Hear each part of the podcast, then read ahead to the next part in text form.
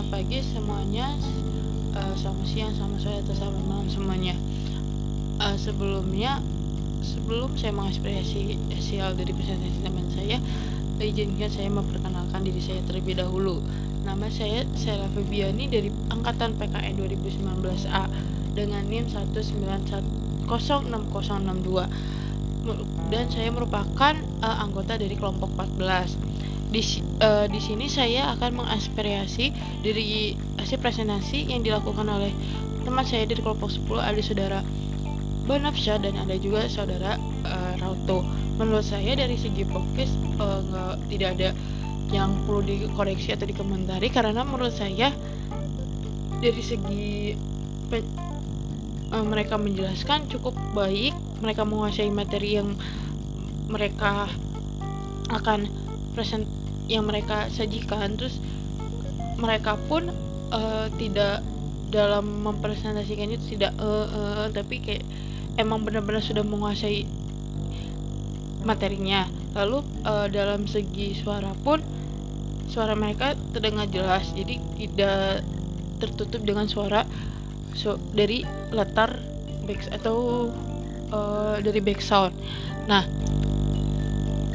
kalau yang akan saya komentari lebih ke makalahnya. Nah, di sini tuh di bab 3 inti di bab 3 itu intisar bab dengan subbabnya di uh, kinerja eh kerangka kerja LAN untuk media literasi demokrasi. Nah, kan di situ ada menjel di situ tuh kayak bab terse subbab tersebut menjelaskan tiga konsepsi kewarganegaraan demokrasi untuk mengkategorikan berbagai berbagai konsep media dan literasi media baru. Nah, menurut saya ketika uh, ingin mengasih tahu tiga konsep tersebut tuh diberi tanda, maksudnya diberi tanda tuh kayak model di sini kan ada transmedia judgment. Nah, emang ketika ini kalian uh, memisahkan dari paragraf sebelumnya dan jadi membuat paragraf baru. Tetapi kan dari bawah tas media judgment itu ada diskusi online dan ada juga yang uh, paragraf baru lagi itu katanya ekspresi media.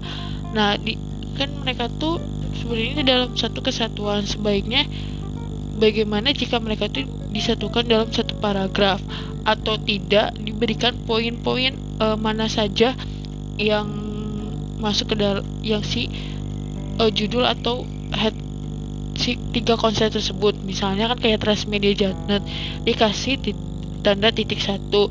Jika ketika ingin uh, membuat paragraf pertama atau enggak bilang pertama transmedia gini gini gini lalu kedua kewarganegaraan pol pola listrik.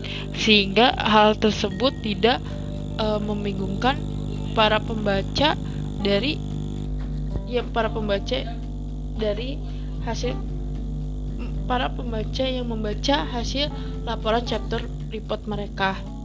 Nah, untuk pertanyaannya tersendiri, saya uh, ingin bertanya de, di subbab penggunaan media sosial dalam pendidikan sosial.